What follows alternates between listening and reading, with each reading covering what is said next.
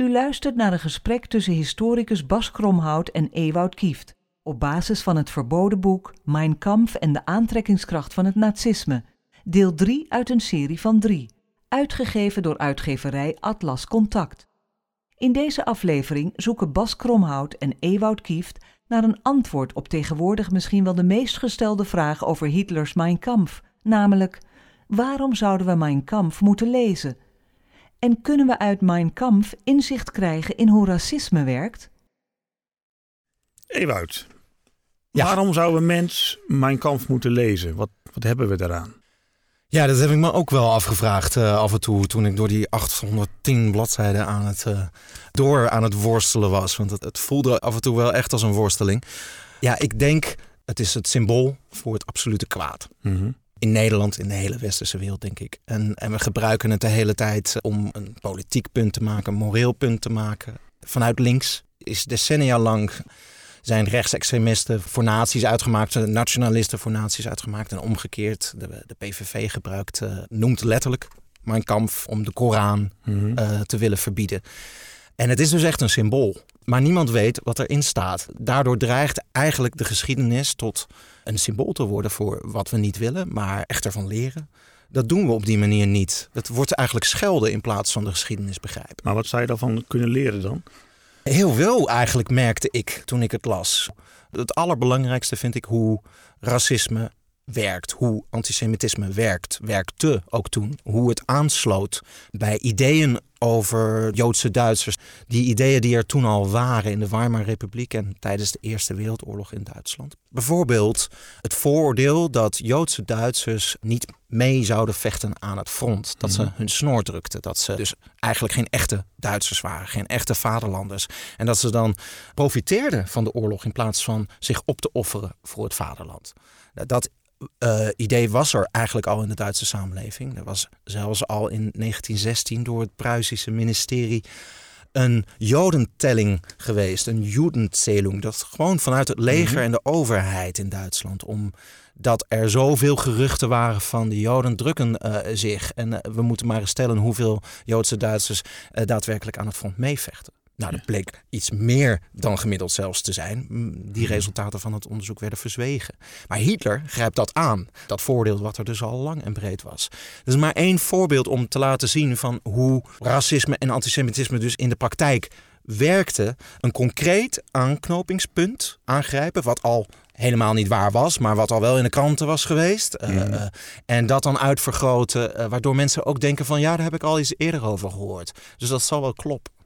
Ja, dus Hitler die sloot aan bij antisemitisme wat er al was in de Duitse samenleving. Ja, en waar er dus ook concrete uh, momenten of verschijnselen bij waren. De, een ander voorbeeld is de Socialistische Partij, dat daar bovengemiddeld veel Joodse Duitsers in de leiding zouden zitten. Dat was ook zo'n lichte oververtegenwoordiging. En dat is weer zo'n concreet aanknopingspunt.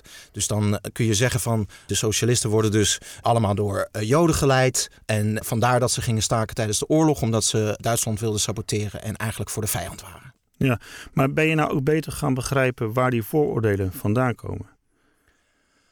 Jawel, ja, toch wel. En dat is taai hoor, want dat zijn lange hoofdstukken over antisemitisme waar je af en toe echt de neiging bij hebt om het walgend terzijde te schuiven.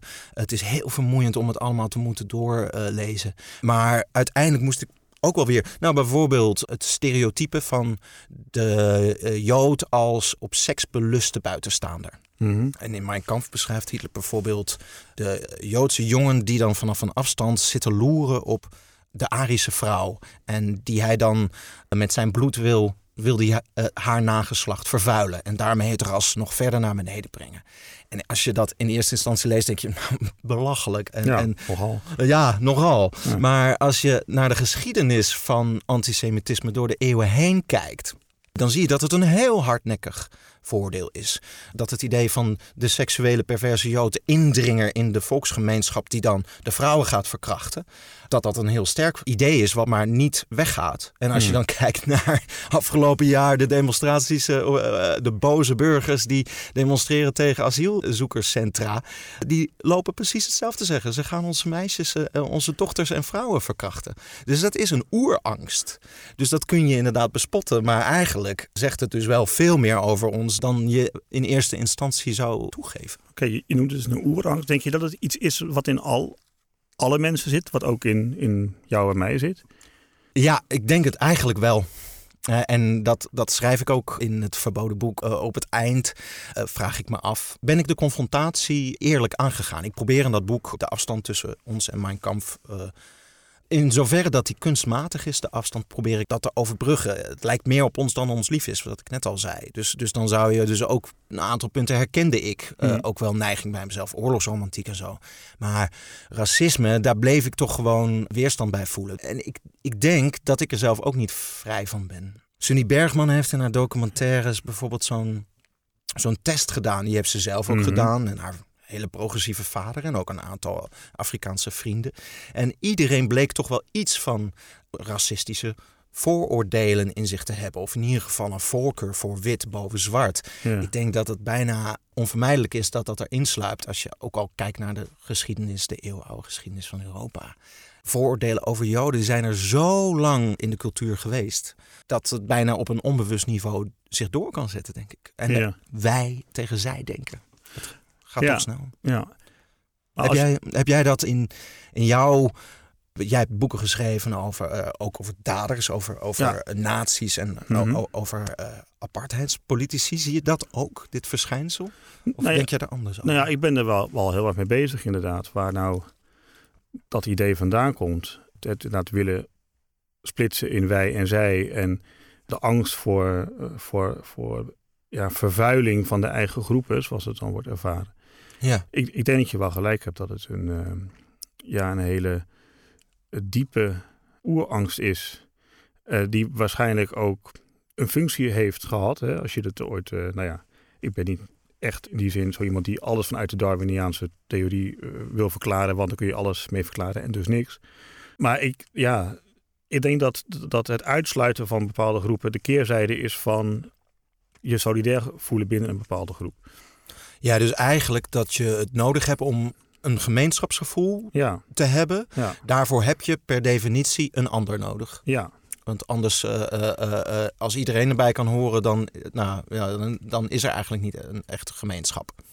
Nee, dat is al, identiteit is altijd ook negatief geformuleerd. Ja. Zodra je een identiteit gaat vaststellen, dan, nou ja, dan zijn er diegenen die eraan voldoen en, en diegenen die er niet aan voldoen. En ja, vaak heeft ook, en ik denk dat, nou ja, dat laat jij zien in jouw boek, uh, de strijd tegen een buitenstaander versterkt ook uh, de coherentie binnen de groep. Er is een, uh, ooit een, uh, ik weet niet of het een wetenschapper was of een schrijver die zei van het zou eigenlijk een zegen zijn als er buitenaards leven zou zijn. Uh, met ruimteschepen de aarde zou, oh, ja. zou proberen te overmeesteren. Want dan hebben we een vijand. Dan kunnen we in ieder geval als wereld eindelijk een gemeenschap als worden. Als, als mensheid, ja. Ja, maar dan... Wij mensen tegen de marsmannen. Ja, ja dat precies. is wel, wel, een mooie gedachte. Maar dus er is dus eigenlijk altijd een dreiging van buitenaf nodig om je solidair te voelen met in welke vorm dan ook. In welke, of het kleine dorpsgemeenschap is of een land of misschien wel de Europese Unie. Je ziet dat elke gemeenschap heeft een soort tegenstrever. Soms, meestal is dat op een vrij onschuldige manier. Rivaliteit tussen dorpen. Ja. De ene school tegen de andere school.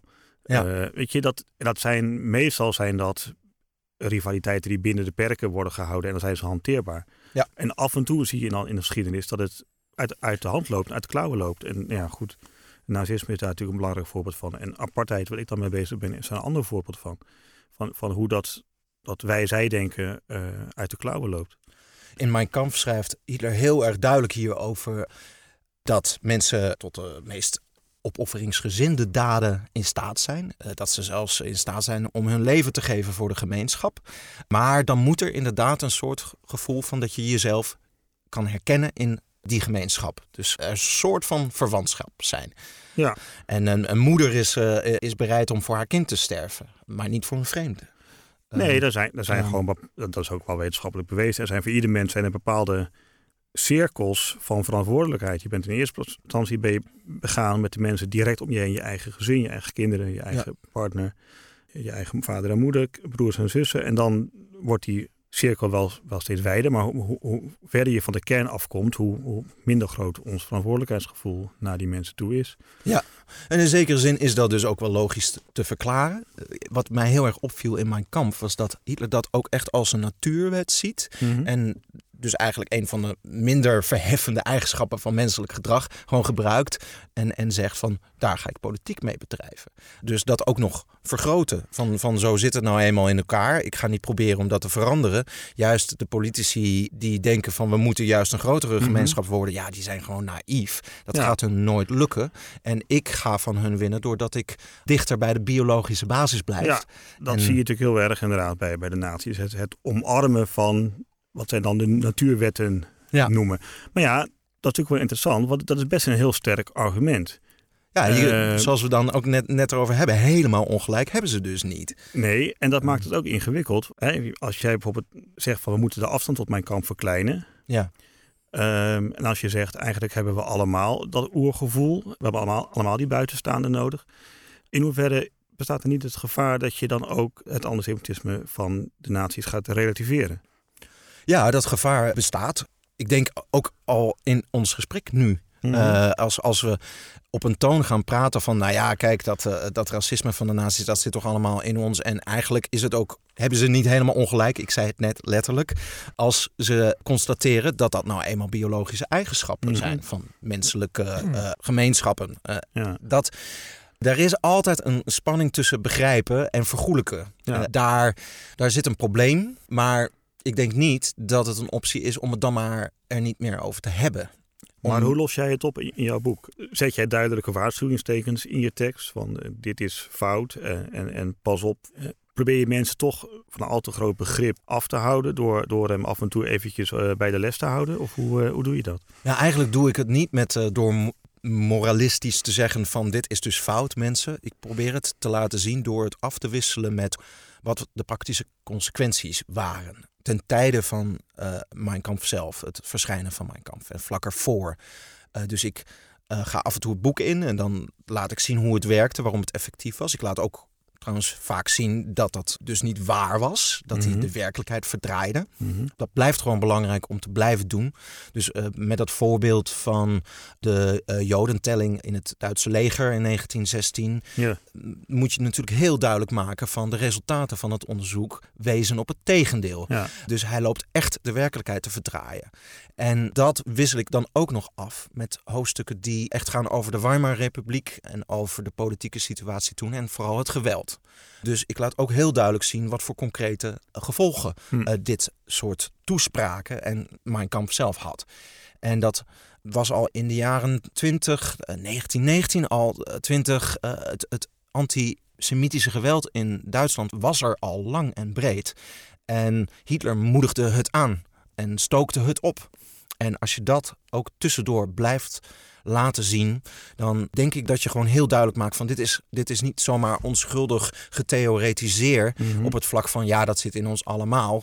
Het heeft gevolgen. En de gevolgen zijn in de jaren twintig in Duitsland, waren die gevolgen gewelddadig. En dat zou waarschuwingssignaal genoeg moeten zijn, lijkt mij. Ja, door gewoon de feiten te presenteren. Ja, en ik denk dat dat ook effectiever is. Ik heb van lezers ook gehoord dat het wordt steeds grimmiger, mijn boek. En hoofdstuk 6 heet Sla ze dood. Hoofdstuk 7 heet Eén vijand. Dus je, je gaat op een gegeven moment, eh, heeft het boek volgens mij ook de eh, werking dat het een klap in je gezicht wordt. Ja. Dus in het begin denk je van, oh ja, dat herken ik zelf ook wel. Mhm. Net zoals ik zelf ook toegeef, van er zijn elementen die ik zelf ook wel herken. En gaandeweg het boek eh, zie je steeds meer van, oh, wauw, dit wordt zo gewelddadig, dit wordt zo grimmig, dat je er ook van schrikt. En op die manier denk ik dat ik die waarschuwing ook narratief gewoon in het verhaal zelf heb ingebouwd. We hebben het over antisemitisme gehad. In hoeverre komen andere zogenaamde rassen in mijn kamp aan de orde? Ja, echt zijdelings. Dus af en toe eh, heeft Hitler het wel eens over eh, schamper over. Als je eh, naar de liberalen en de sociaaldemocraten lu- luistert, dan moet je blij zijn met elke Afrikaan die in een pak is gehezen. En, Mhm. en zo, is, zo is getemd dat hij nu ook een advocatenbaantje kan nemen. Hij, heeft het, hij praat er echt over alsof het, alsof het het trainen van een aap is. Dat soort voorbeelden geeft hij terzijde.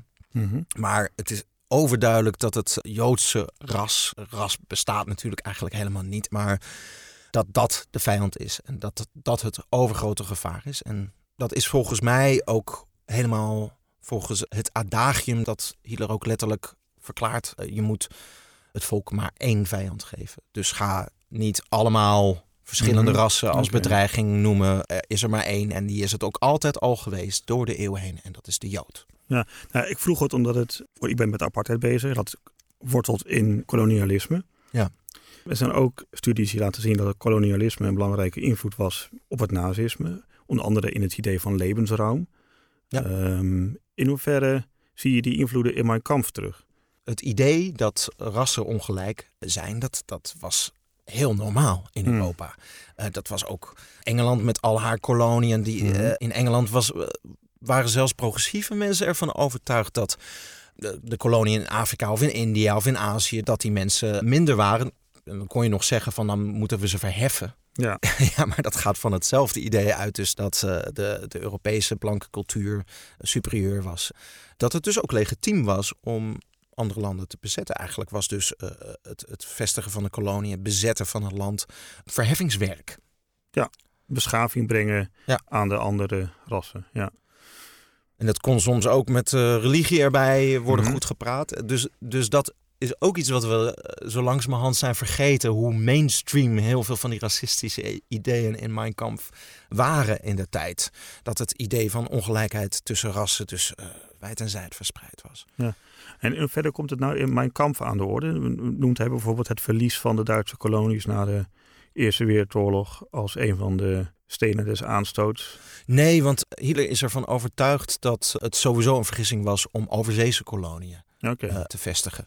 Eh, die koloniën die hadden in het oosten eh, van Europa van meet af aan al eh, eh, gevestigd moeten zijn. ja. Dus je, je moet ook in die zin niet met Engeland concurreren. Dat is ook een strategische overtuiging die Mhm. hij heeft. Duitsland moet zijn kracht vinden op het Europese continent. En dan lag het voor de hand om dan eh, vooral de inferieure volkeren, de Slavische volkeren, die te koloniseren en daar de boerenbedrijven op, te bouwen, zodat de bloed- en bodemromantiek, eh, zeg maar, Oké, dus hij wilde eigenlijk een, een koloniaal project of een koloniaal rijk binnen, binnen de Europese grenzen. Dat klopt. Dat was wel koloniaal denken dus. Ja. Eh, en hij schrijft ook heel duidelijk, het is precies hetzelfde als een overzeese kolonie Mhm. beginnen, maar eh, wij moeten het gewoon in het oosten doen. We moeten gewoon Rusland eigenlijk innemen tot ver, eh, tot ver over de Aziatische grens. Is dat een verschil met wat jij bijvoorbeeld in Zuid-Afrikaans apartheidsdenken ziet? Nou, het Zuid-Afrikaanse apartheidsdenken was uiteraard geworteld in het kolonialisme en ging inderdaad uit van het op zijn minst een verschil in beschavingsniveau. Wat soms meer en soms minder ook met eh, verschil in ras werd verbonden. Het liep allemaal een beetje door elkaar heen. Sowieso, het, het woord ras werd ook voor de oorlog op, op verschillende manieren gebruikt. Het was, Ja. ehm, er was bijvoorbeeld in Zuid-Afrika heel lang een eh antagonie tussen de Afrikaans sprekende blanken en de Engels sprekende blanken. En als er werd gesproken over race tensions, dan ging dat daarover. Ja. Dan, ging niet, niet, dan ging het om wit tegen wit en niet om wit tegen zwart. Dus ja, het woord race is niet altijd biologisch ingevuld geweest. Hè. Je hebt ook, ook, ook de, de Britse schrijvers van het imperialisme, die hebben het ook over de- British race, weet je. Als, Ja. Dus het is, ehm, dus- Bijna als volk, ja, dus- ja, als volk of als natie of als gemeenschap. ja, maar ook wel met het idee van de, de Britse mens, of de Britse natie heeft wel bepaalde unieke eigenschappen die, eh, die het verheft boven andere naties en andere Die dan typisch. Brits zijn. die dan hè? typisch Brit zijn. Eh, Ehm, de, de, de Brit is eh, nuchter, zakelijk. de, de Fransman is Ja. flamboyant. dat dat Ja. soort denken. nou, precies. En, en, en een beschavingsopdracht, zoals Rudyard Kipling noemde, de white man's burden. Ja. Was, was, in de eerste instantie was dat de burden van de British white man. Ja. Die, die had toch de taak om de wereld te beschaven. Die kon, die, en die kon het ook beter dan, dan de Fransen of de Nederlanders of de Duitsers. En Dat was je hun idee. het angstbeeld voor eh, zwarte Afrikanen, eh, bijvoorbeeld, eh, zo- zoals dat onder het apartheidsregime leefde, was dat het angstbeeld van een seksuele bedreiging, een, een fysieke Ja, bedreiging, zeg maar, zeker, zeker. de sterke, fysiek sterke, seksueel Seks- bedreigende. Ja, se- seksueel eh, zeker. Seksueel, de angst die zij hadden was om, zoals ze dat noemden, overspoeld te worden door de zwarte massa's. Eh, zij waren dus natuurlijk- ook, het gaat ook om het aantal. Ja, het gaat, Eh. gaat heel erg om het aantal. En Ja. eh, eh, de blanken waren een kleine minderheid op het continent. Ja. In de jaren 50 was het de verhouding wit-zwart was 1 op 5. Mhm. En er was, nou ja, men was gewoon bang dat als de zwarte bevolking zich verder zou ontwikkelen, politiek bewust zou worden, economisch zich zou emanciperen, dat ze dan uiteindelijk de macht zouden overnemen, wat natuurlijk ook, ook uiteindelijk ook gebeurd is. En daarom hebben ze de apartheid bedacht als een soort systeem om die macht van de witte minderheid voor altijd te kunnen, kunnen behouden, eigenlijk in, in beton te gieten. En dat deden ze niet door andere gebieden te koloniseren, maar juist om stukjes van Zuid-Afrika tot zwart autonoom gebied te verklaren, zogenaamde thuislanden. En daar konden dan de zwarte, heette dan langs hun eigen lijnen, naar hun eigen mogelijkheden zich, zich ontwikkelen en zich uiteindelijk ook politiek manifesteren. Uh, en uiteindelijk zouden die thuislanden dan onafhankelijk uh, worden. Maar dit is dan heel erg, denk ik, zoals de, de politieke elite erover dacht. Maar, maar gewoon de gewone uh, blanke. Nou, het, het interessante is dat er dus eigenlijk de nationale partij die de apartheidpolitiek bedacht, stond tegenover de United Party. Dat was met name een Engelstalige partij. En die was tegen het afstaan van gebiedsdelen aan zwarte. Mm -hmm. En hun slogan was White Leadership in all South Africa. Ja, dus die wilde juist wel uh, totale blanke overheersing. Uh, ja. Uh, ja. Maar goed, dat is natuurlijk een heel ingewikkeld verhaal. maar op het vlak van, van propagandaposters van, van dat soort partijen. Ik bedoel, als ze een, een zwarte ja. Afrikaan afbeelden. Wat, is het een bloeddorstige, of is het een, zeg maar een, of is hij juist heel dom? Of is hij, hoe ziet dat eruit? Ja, men probeerde eigenlijk politiek correct te zijn daarin. Men had okay. het, zeg maar, tot de oorlog gebruikte men woorden als, als kaffer en dergelijke. En ook in, in, in dagelijks gebruik uh, scholden mensen inderdaad op de kaffers. Maar de politiek probeerde een apartheid een humaan gezicht te geven. Ja. En sprak heel politiek correct over de Bantus. Ja. En ontkende ook dat zij racisten waren, dat ze neerkeken op de Bantus. Ja, ja. Alleen de Bantus hadden zo'n andere cultuur en zo'n andere beschaving. Dat moest je niet gaan mengen met witte. Ja, ja. Het was beter als alle bevolkingsgroepen gescheiden. Ook voor hun beter. Ook precies, dat was het verhaal. Ook voor hun beter. Ja. Want anders worden zij overheerst door de witte en dat willen ze ook niet. En dat Nee. begrijpen we. Dus laten zij dan hun eigen gebiedje hebben en dan wij het eigen gebiedje. Alleen de verdeling was heel oneerlijk, want eh, de zwarte die 80% van de bevolking uitmaakten, die zouden 13% van het land krijgen. En alleen maar gebieden waar verder waar geen havens waren, geen grote steden, geen industrieën. Ja. En, en 87% van het land werd dan voor de blanken gereserveerd. Ja. Bovendien was er een groot probleem, want scheiding was helemaal niet mogelijk. Omdat de Zuid-Afrikaanse economie die dreef op goedkope zwarte arbeid. Dus de blanken die hadden de zwarte arbeiders nodig. Eh, Voor hun mijnen, voor hun fabrieken. Ja. Het was gebruikelijk dat iedereen zwarte dienstmeiden had en zwarte kindermeisjes. En daar wilde men ook niet vanaf. Dit is dus eigenlijk een totaal ander soort racisme dan eh, het racisme dat Hitler Het is, in kijk, mijn kamp bepleit. Hè? ja, apart, apartheid is, het is geen vernietigingsracisme. het er zit denk ik ook een verschil in. het is niet in- genocidaal zoals bij Hitler. Nee, als je gewoon kijkt naar hoe het werkte. Wat jij net zei over racisme in Zuid-Afrika, dat heeft te maken met de bedreiging van de massa. Ze zijn met meer. En we moeten ze dus in die zin onderdrukken, want wij zijn een blanke minderheid en zij zijn met velen en ze moeten niet in opstand komen. Precies. En in het geval van antisemitisme in Duitsland heb je het over 1% van de Ja. Duitse bevolking die Joods was. Ja. En die Hitler op de een of andere manier in Mein Kampf dus als een bedreigende meerderheid moet presenteren.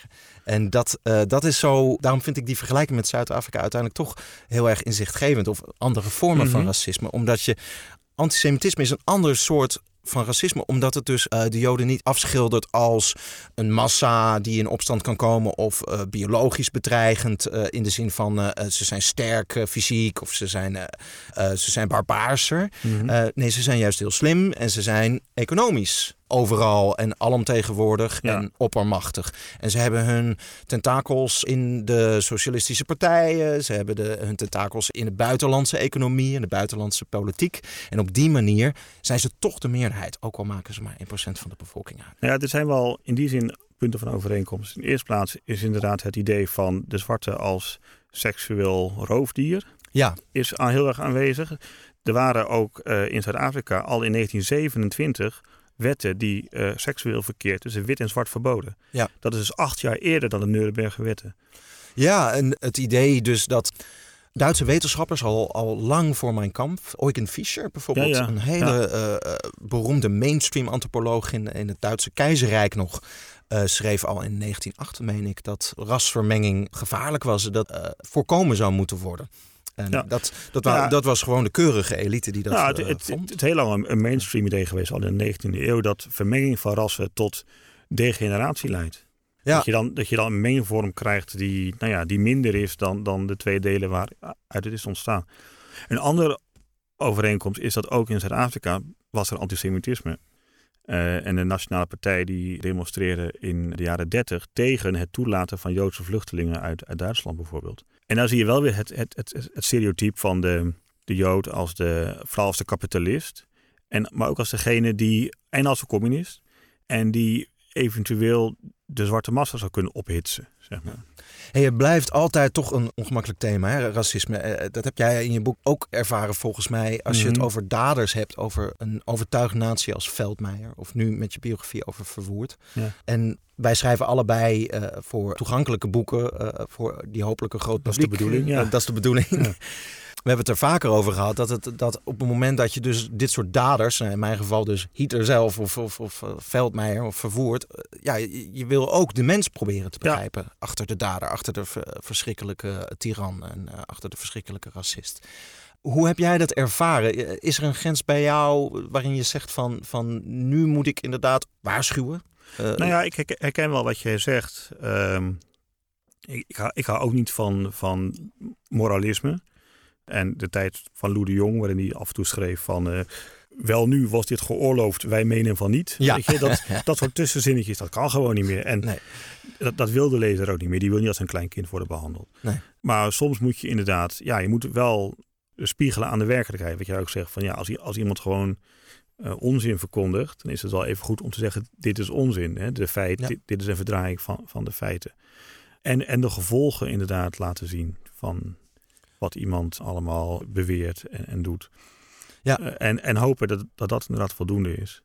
Ja, dus je laat eigenlijk gewoon constant het verschil zien tussen de theorie van Ja. wat die mensen beweren, van Ja. de propaganda, Ja. eh, van, van die verschrikkelijke ideeën. En gewoon op de grond eh, de praktijk, wat dat echt tot gevolgen heeft. Ja, hoewel dat kan natuurlijk maar tot op zekere hoogte. Want als je een biografie schrijft over een dader, of het nou een, dader uit de holocaust is of een dader uit, de- van de apartheid, dan, ja, dan kun je niet daar een hele geschiedenis van de holocaust of een hele geschiedenis van, van de apartheid van maken. Want dan krijg je een heel ander boek. De focus moet ik wel bij, bij die persoon liggen. Dus je kunt alleen af en toe even een, een uitstapje doen en even zeggen van nou, dit, hè, dit was de theorie. En in de praktijk had dat voor miljoenen mensen dit tot gevolg. Ja. Maar je kunt daar niet heel lang op ingaan. En voor sommige mensen betekent dat een soort onbalans. Hè? Dat je te veel aandacht aan, aan de dader geeft en te weinig aan, aan de slachtoffers. Ja.